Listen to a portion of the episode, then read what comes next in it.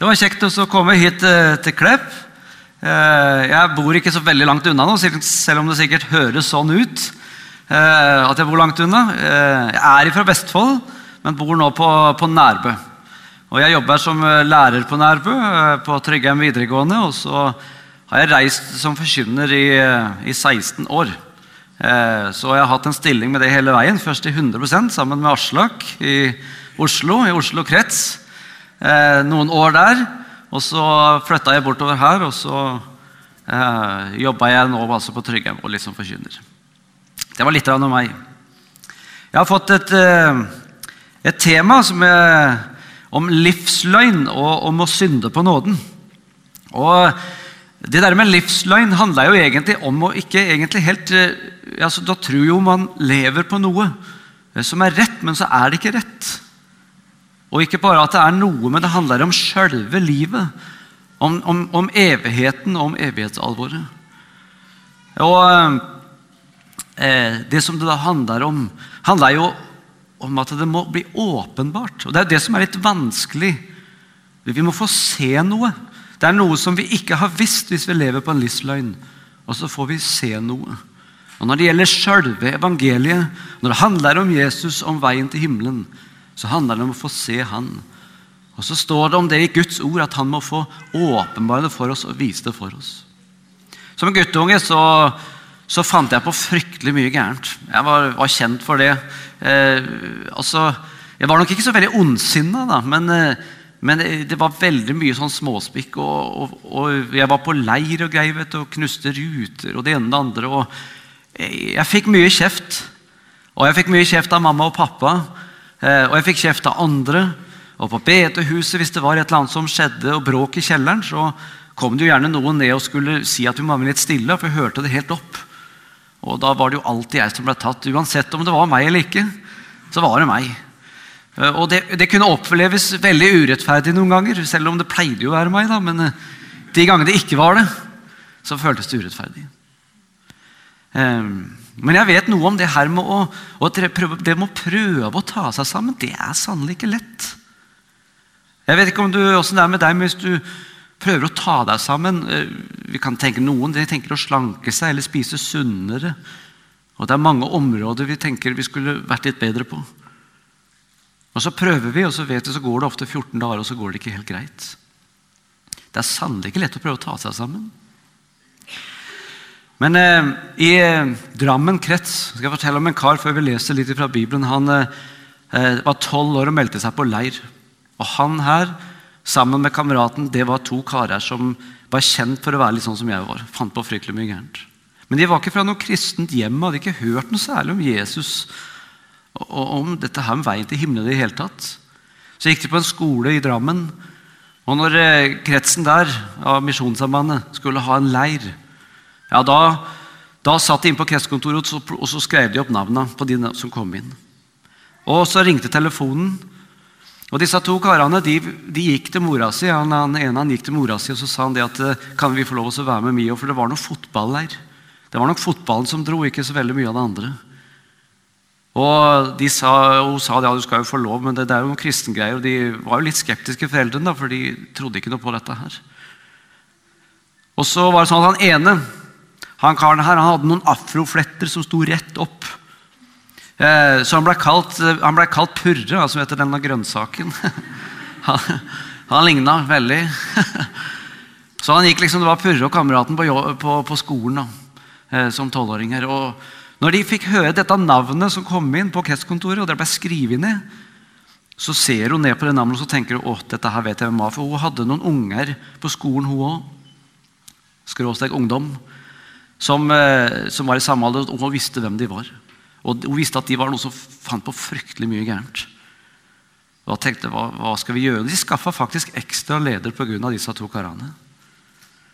Og så skjer det altså at leiren starter opp. Purre og kameraten kommer, vet du, det, det er full gass. Fra morgen til kveld, og de gjør jo alt det de ikke skal gjøre. Bråker på samlingene og oppe på jenteinternat på hele natta. og Alt som de kunne gjøre.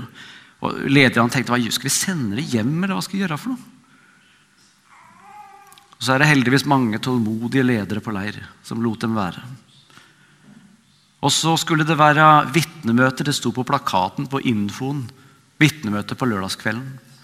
Og når, når Purre og kameraten sto foran etter, etter en måltid og så det der med hvitt, hva i all verden er det? Det sto jo møte, de hadde fått greie på det etter hvert, hva det var. da. Og Så går de bort til leirsjefen og så spør de, hva er det her med vitnemøte for noe.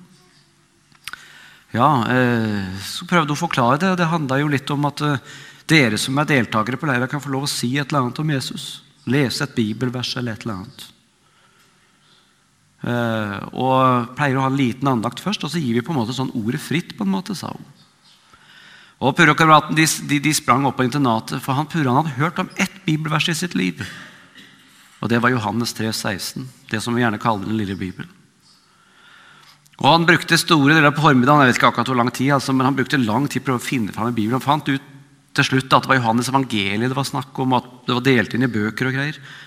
Og så fant han Johannes kapittel 3 og vers 16. Og så legger han den tråden i Bibelen ikke sant, sammen. Ned på akkurat den, og så smeller han Bibelen igjen. Og så går det ned i, i kjelleren rett før møtet, og der kler de seg ut. Han, han fant fram noen klær med, med, Han så ikke ut. Han hadde, han hadde en bluse og rutete skjørt. Og så hadde han noen solbriller med fargegraderte glass, noen svære briller. Og Der han, eh, kommer han gående inn eh, Det var sikkert et par minutter over åtte. Alle de andre hadde satt seg ned. Og du kan tenke deg Alle sperra opp med øynene og tenke på hva skjer nå.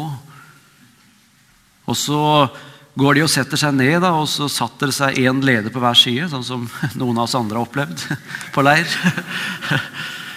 og, eh, og For å prøve å følge litt med dem. da.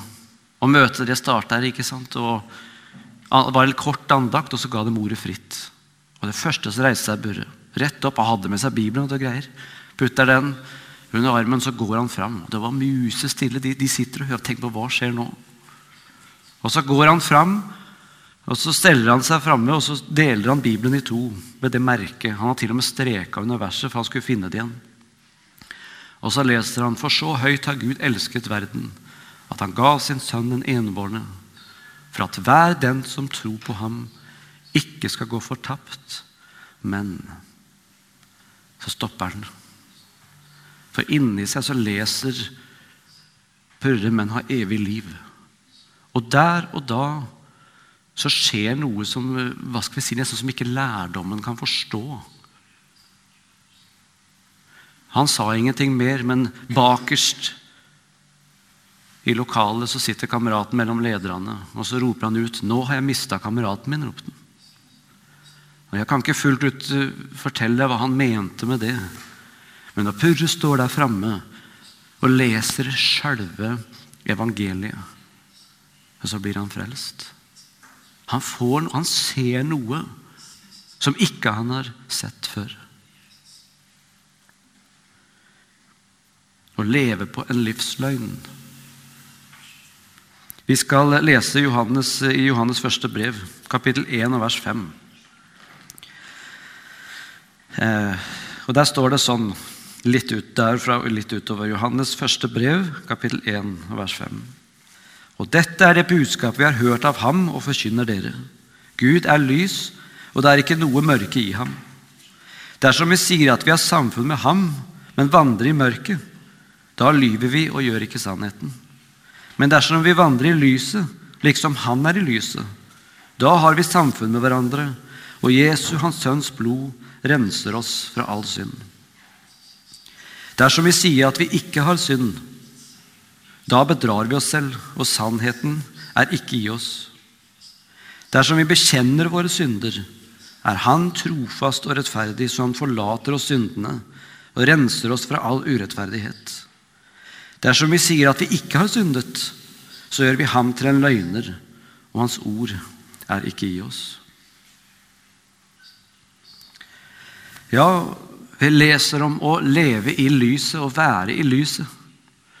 Og Jeg tror det at det er noe av det vanskeligste og noe som jeg syns er fryktelig Jeg er liksom undrende mange ganger å tenke på hvorfor er det sånn at det er noen som ser evangeliet. Og så er det noen som bare sier at nei, vi har liksom hørt om det der med Bibelen, og evangeliet. Jeg har hørt det flere ganger, men nei, det er liksom ikke noe for meg. Og så er det lett for oss mennesker å begynne å tenke ja, har det med, har det med oppveksten og barndommen og, og, dette å gjøre? Har det hvem en møter, hvem en er kamerat med? Skal liksom det avgjøre sjølve evigheten? Hvorfor er det sånn at noen ser evangeliet, og noen ikke? Og så syns jeg det er et veldig veldig vanskelig spørsmål. Men jeg vil i hvert fall be deg om du er her og hører ord om Jesus, så, så slipp ham inn. Gi det en sjanse. For det kan hende du er der som, som, som, tenker som på en måte setter opp en litt sånn vegg og tenker at det, vi kan gå så langt, kan slippe noe av dette som vi hører om på Klepp og på bedehuset. Men ikke alt. Da kan det fort bli vanskelig. Gi Jesus en sjanse. Det å tro på Han handler om å tro på det som Han har gjort, Hans ord til oss. Og ikke tenke at, at vi, sånn som mange bruker som argument, vi lever tross alt i 2016, og verden har gått videre. så, ja, det, Vi har mange argumenter. Men ta Guds ord på alvor. Og hold det for sannhet, det som står. Når jeg var eh, forkynner, reiste i Oslo, så var jeg en gang spurt om å komme ned på Eh, på Karl Johan, altså på der som jusstudentene holder til, de som skal bli advokater. Vi hadde en sånn uh, kristen forening der. og det, Der var det ganske mange samla. Jeg tror ikke de bare var kristne for å si det sånn, som var innom der. Der var det ganske mange. Og Jeg uh, husker jeg kjørte ned og fant en parkeringsplass og, og, og, gikk inn og skulle ha en andakt. Og Etter jeg hadde hatt den andakten, så, det, så satte det seg en god del av disse jusstudentene rundt meg. De satte seg rundt meg, og så begynte de å spørre litt om det som jeg hadde sagt. Og Det er ikke sikkert de var så vant til å høre det på den måten som jeg hadde sagt det denne gangen. Og så sier eh, ei, jente som sitter der, at den Jesus du forteller om, sånn er ikke min Jesus. Min Jesus, han er annerledes. Og så måtte jeg jo spørre deg, ja, hvordan er din Jesus, da? Ja, og Så begynte hun å fortelle litt om sitt liv. og uh, hun fortalte om at hun levde ganske utsvevende liv. og Hun drakk seg full stadig vekk og hadde et utsvevende sexliv. og Dette her sa hun høyt. Dette var ikke noe sjelesorgsamtale. Helt greit. Og så, Etter hun hadde sagt litt om hvordan hennes Jesus var, så spurte jeg men, eh, men hvor har du denne Jesus fra? Hvor kommer han fra? Hvem, hvem, hvordan blir du fortalt dette, eller hvor, hvor står det? hen? Og Det spørsmålet tror jeg hun aldri hadde fått før. For hun måtte tenke lenge. Hun sa det. Det, det har jeg i grunnen aldri tenkt på. Og så tenkte hun en god stund, og så sa hun det. Jeg tror det er en slags sånn følelse jeg har inni meg. Jeg tror jeg, Det er noe jeg kjenner, noe jeg føler. Og Hvis hun skulle tenkt at det var sant, det som en føler til enhver tid, hver og en av dere som sitter her, opplever og føler, ja, da hadde det blitt fått ganske mange sannheter. Og ikke bare tenke på den lille forsamlingen vi er her nå, men tenk da i hele fylket og hele landet og hele verden. Tenk hvis det skulle være sant, det vi følte. Hvis vi stoler på følelsene våre, så får vi en mengde forskjellige meninger. Og Noen tenker også det at det med at vi er forskjellige religioner og tror på forskjellige ting, det er bare flott og fint. Det kan vi liksom, Alt er greit. Men så er det jo det, da at noe, det må jo stemme. Det kan jo ikke være sant alt sammen samtidig. Den gangen som du og jeg går ut og reiser ut av denne verden og skal inn i evigheten, da kan det ikke være sant alt sammen. Det kan jo ikke være sånn at fordi at jeg trodde på noe, så skal liksom min sannhet stemme i evigheten. Og hvis du tror på noe helt annet, så stemmer liksom det. Noe må jo være sant. Noe må stemme. Og så tror noen at man kommer tilbake en slags reinkarnasjon som et nytt menneske, et dyr. Noen tror at når man dør, så er det helt slutt, helt ferdig. Ingenting skjer. Og Så forteller Bibelen om to utganger i livet. En som kommer At du kan nå hjem til Jesus i himmelen, og at du kan gå evig fortapt. Jeg har fått erfare, og da kan man jo snakke om følelser, at Jesus lever. Men jeg er glad for en annen ting, at jeg kan følge det som står i Guds eget ord til oss. At vi kan stole på det som han har sagt. Hva er det som holder, da? Hvordan skal jeg nå til himmelen? Hvordan skal jeg en dag nå fram? Jeg har jo snakka litt om det, altså at eh, det med følelser det kan være så forskjellig.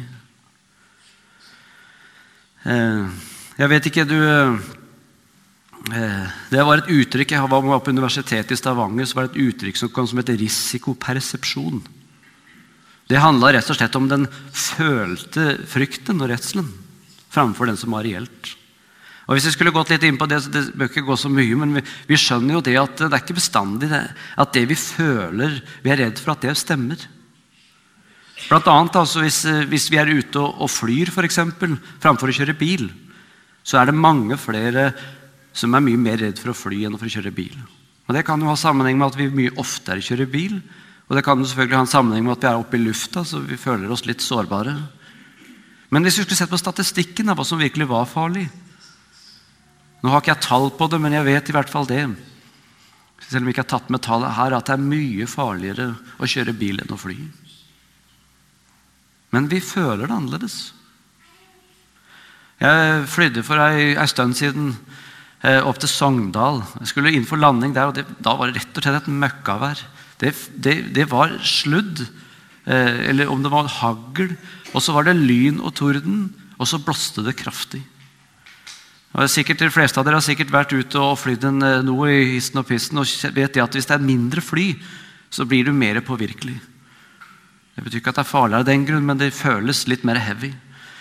Og Den, den landinga jeg hadde oppe i, Sogndal, det, det, var, det, var, ganske heavy.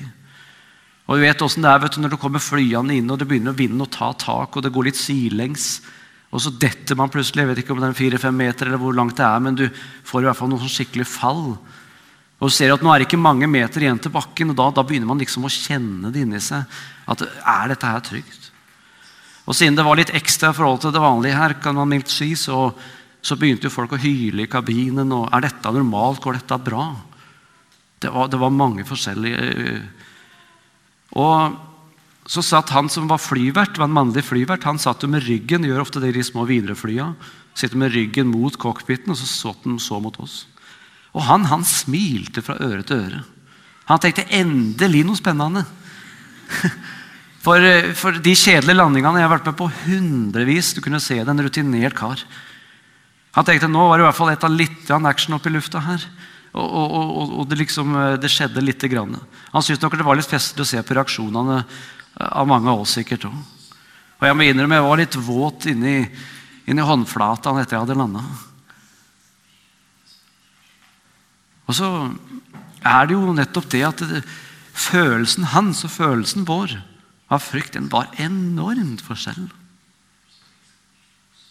Og så er det også sånn at hver og en som sitter her inne nå i formiddag Dere har helt sikkert en eller annen gang tenkt, eller mange, mange, mange ganger tenkt Blir jeg med til himmelen?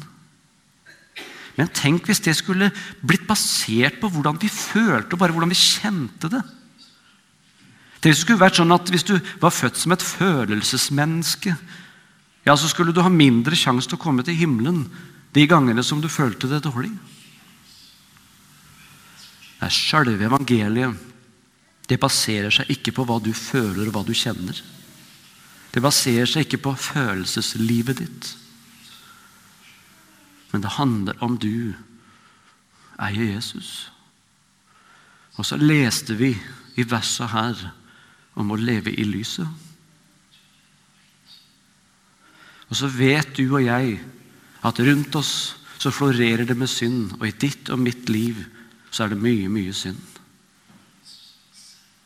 Men eh, mange de får ikke øye på den synda og tenker ikke at det er noe problem i det hele tatt. Hvorfor skulle det være noe problem? Vi synder jo alle, osv. Mens andre føler det er veldig sårt å såre Gud og gjøre imot hans vilje. Og så handler det kanskje, som vi, starta om i denne talen, om at Jesus må få, få vise deg det. At han må få åpenbare det for deg. Som guttunger Vi snakka litt om det i stad. men vi er ikke født og oppvokst på noen gård, men det er en del, gårder går rundt der som jeg bor, eh, hjemme i Vestfold. Og som mange unger da, de hoppa jo rundt i, i høyet når de hadde samla høy. Det er ikke så mye av det lenger nå. De hadde samla høy på låven. Og så var det jo inn i disse stripene i veggen. vet du. Når på noen dårlige låvevegger. Når sola sto på, så, så kommer disse strålene inn. solstrålene. Og når vi hoppa der, så var det jo enormt med støv. Og når vi så disse her stripene, da, så, så, så prøvde vi å stupe over de, hoppe over de. Om å komme høyest og klatre opp i bjelkene. og om å hoppe høyest og det ene og det andre. Jeg var ferdig noen ganger og så sto ved sida og så disse strålene, så kunne du legge merke til noen ganger at, at når du sto og pusta Hvis du kom akkurat til den strålen, og det hadde virvla opp noe enormt med støv Det var så tett så tett du kunne få blitt. Så så du når du pusta inn, så, så, så, så var det en mengde med støv du skulle se gikk inn i kroppen. Og Da var det rett og slett sånn at vi tenkte at det, vi måtte ikke stå der som det var. Vi så der støvet. For når vi så det der, så, så det så så usunt ut. Du tenkte at du kan ikke dra inn det der, der. Så vi gikk liksom en sånn meter og to bort. da. Ja, Det er fort gjort det å, tenke at da må det jo være tryggere. for Det er jo ikke særlig smart. da Vi vet jo at det var like mye støv her nå. Og når Jesus peker inn i ditt liv og i mitt liv og setter et lys inn over ditt liv, da får du se det at du står, og at du lever i synd. At du har synda i Han, mot Han i tanker, ord og gjerninger. Og det gjør du hver eneste dag. Vet du det at uh, Gud, som er en hellig Gud, han tåler ikke én eneste synd. Jeg husker det var en som sa det en gang, og jeg, jeg stoppa litt opp og måtte tenke litt. For vet du det at det ikke engang det beste øyeblikket i ditt liv Vi skulle tenke på det flotteste, det mest åndelige. Hvis det er en gang du står og vitner om Jesus eller synger om Jesus, eller om du til og med har fått lov å være med og be for noen som tar imot Jesus Vet du det at ikke engang det øyeblikket er helt fullkomment og reint? Gud, som er en hellig Gud, han krever absolutt fullkommenhet for at du skal nå himmelen. Ikke rart at mange spør ja, men hvem kan da bli frelst? Disippelen spurte og mange andre. Det er jo helt umulig. Og så var det nettopp derfor vi feirer påska, som Aslak snakka om. Det er nettopp derfor du trenger Jesus. Og selv om det er ubehagelig, så vil Jesus fryktelig gjerne flytte deg inn i det lyset der du kan få se at du puster inn dritt og lort. Der du hver eneste dag synder mot han i tanker, ord og gjerninger. For i det lyset så får du se at du får bruk for Jesus. At han er den eneste redningen som vi sang om i siste sangen. Jesus er veien og sannheten og livet. Ingen kommer til Faderen uten gjennom ham. Så ikke baser livet ditt på hva du føler og hva du kjenner. Når det kommer spørsmål og vanskelige valg i livet som handler om etiske spørsmål og andre spørsmål, så gå til Guds ord. Gå til sannheten der den er. Jesus er veien til livet. Jeg skal ta med imot slutten eh, om dette om at Jesus er din redning, og han er den eneste veien for deg og meg. I, i Amerika så var det et ektepar som var kunstsamlere. De hadde, de hadde kunst for millioner av dollar. Og eh, De hadde en stor ranch, og på denne ranchen så hadde de samla kunst altså for millioner av dollar. Og så hadde de, så de sikra dette her med alarmsystemer og det som var rundt overalt. Dette her var skikkelig ordentlig gjort for seg. Og det var mange hus på denne ranchen. Og disse kunstsamlerne, de, dette ekteparet, de har altså hengt opp en mengde bilder. De hadde samla rundt fra hele verden. Og så var det sånn at De hadde én sønn, én gutt. Og denne sønnen, denne gutten, han, eh, Han ble interessert i skyting. Når jeg var liten, også, var jeg masse oppe i skauen og lekte krig. Jeg hadde kruttlapper og vi kjøpte kinaputter i Sverige og greier og tok ferja over. Og Da var det moro og fest.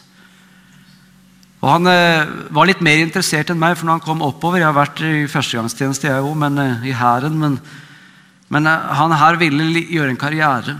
Og Så ble mor og far litt engstelige, og særlig mor sa kan du kunne ikke finne en annen karriere. Et eller annet å drive med enn dette her med sky. Det, det kan være farlig. Og han, eh, Sønnen deres han, eh, han var fast bestemt på at det var dette han ville. Så han, eh, når han blir voksenherre, så melder han seg inn i militæret. Og han blir til slutt befal.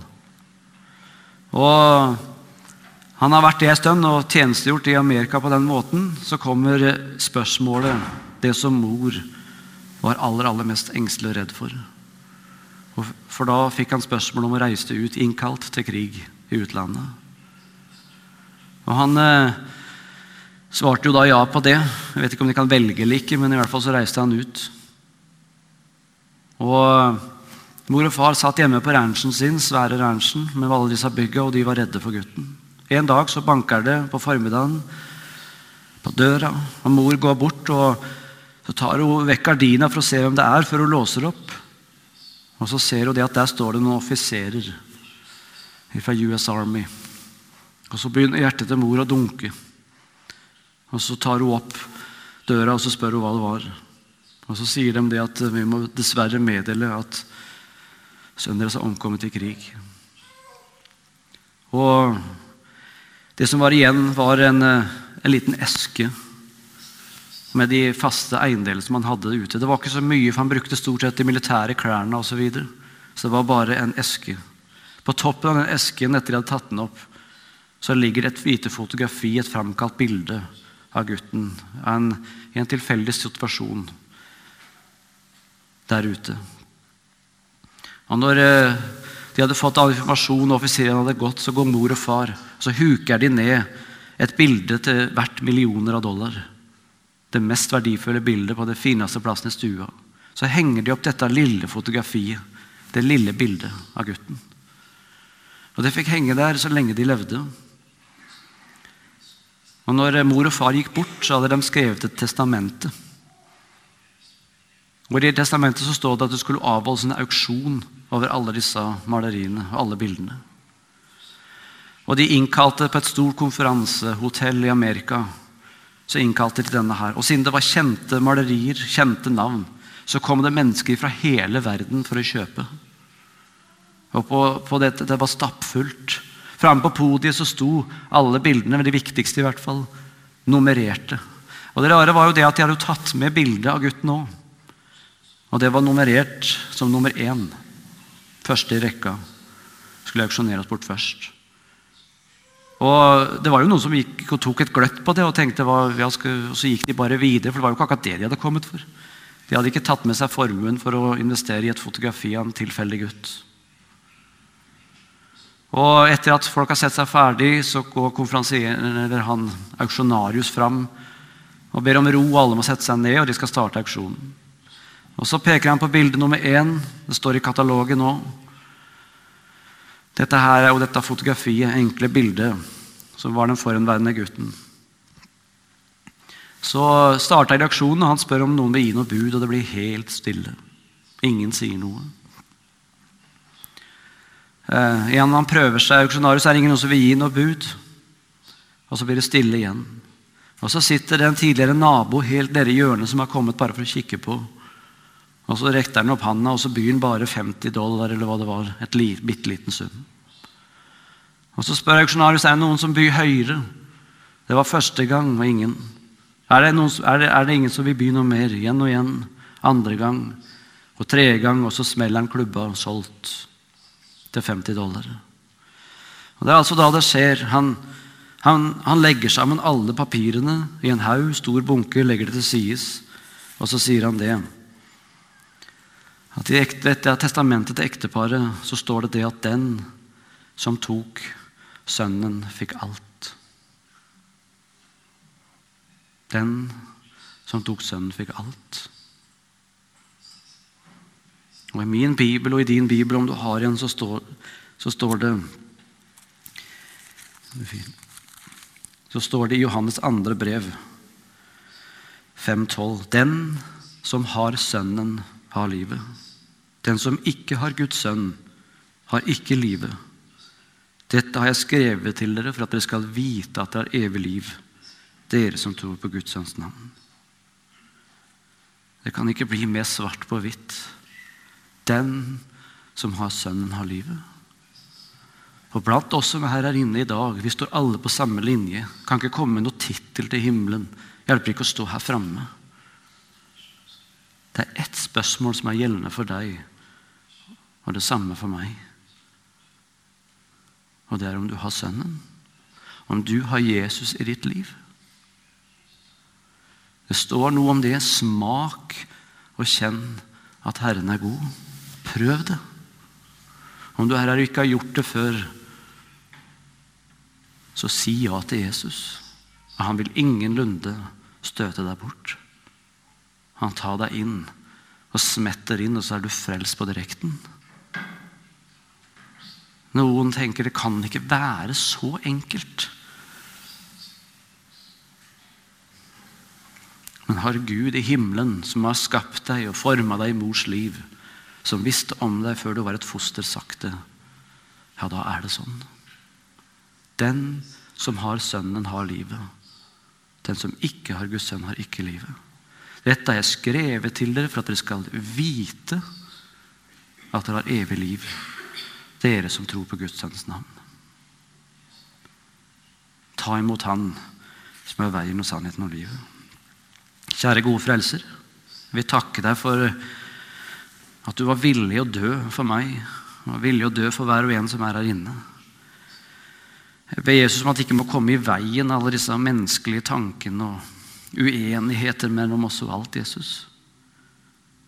Vi skal holde klart fram ditt ord om hva som er riktig og galt, og vi skal følge det. Men så også er det sånn at vi greier det aldri. Vi er ikke fullkommen. Du som krever fullkommenhet, ja, da ser vi det at du, Jesus, som er mellommann mellom Gud og oss, er vår eneste håp og vår eneste redning. Ved å ta imot deg så får vi alt. 100 I himmelen så fins det kun syndere frelst av 100% nåde. Det er ikke én som, som, er der som har greid en halv prosent sjøl, og resten nåde. Det er bare frelste syndere. Frelst av 100% nåde. Takk, Jesus, at du ordna det sånn, at du gjorde det sånn. At du ga oss det evige håpet, at vi kunne få bli med til himmelen. Hjelp oss, Jesus, å følge deg og ta imot deg. La oss leve i lyset. Ikke la oss bedra oss sjøl og si at ikke vi har synd, som det sto i teksten. Amen.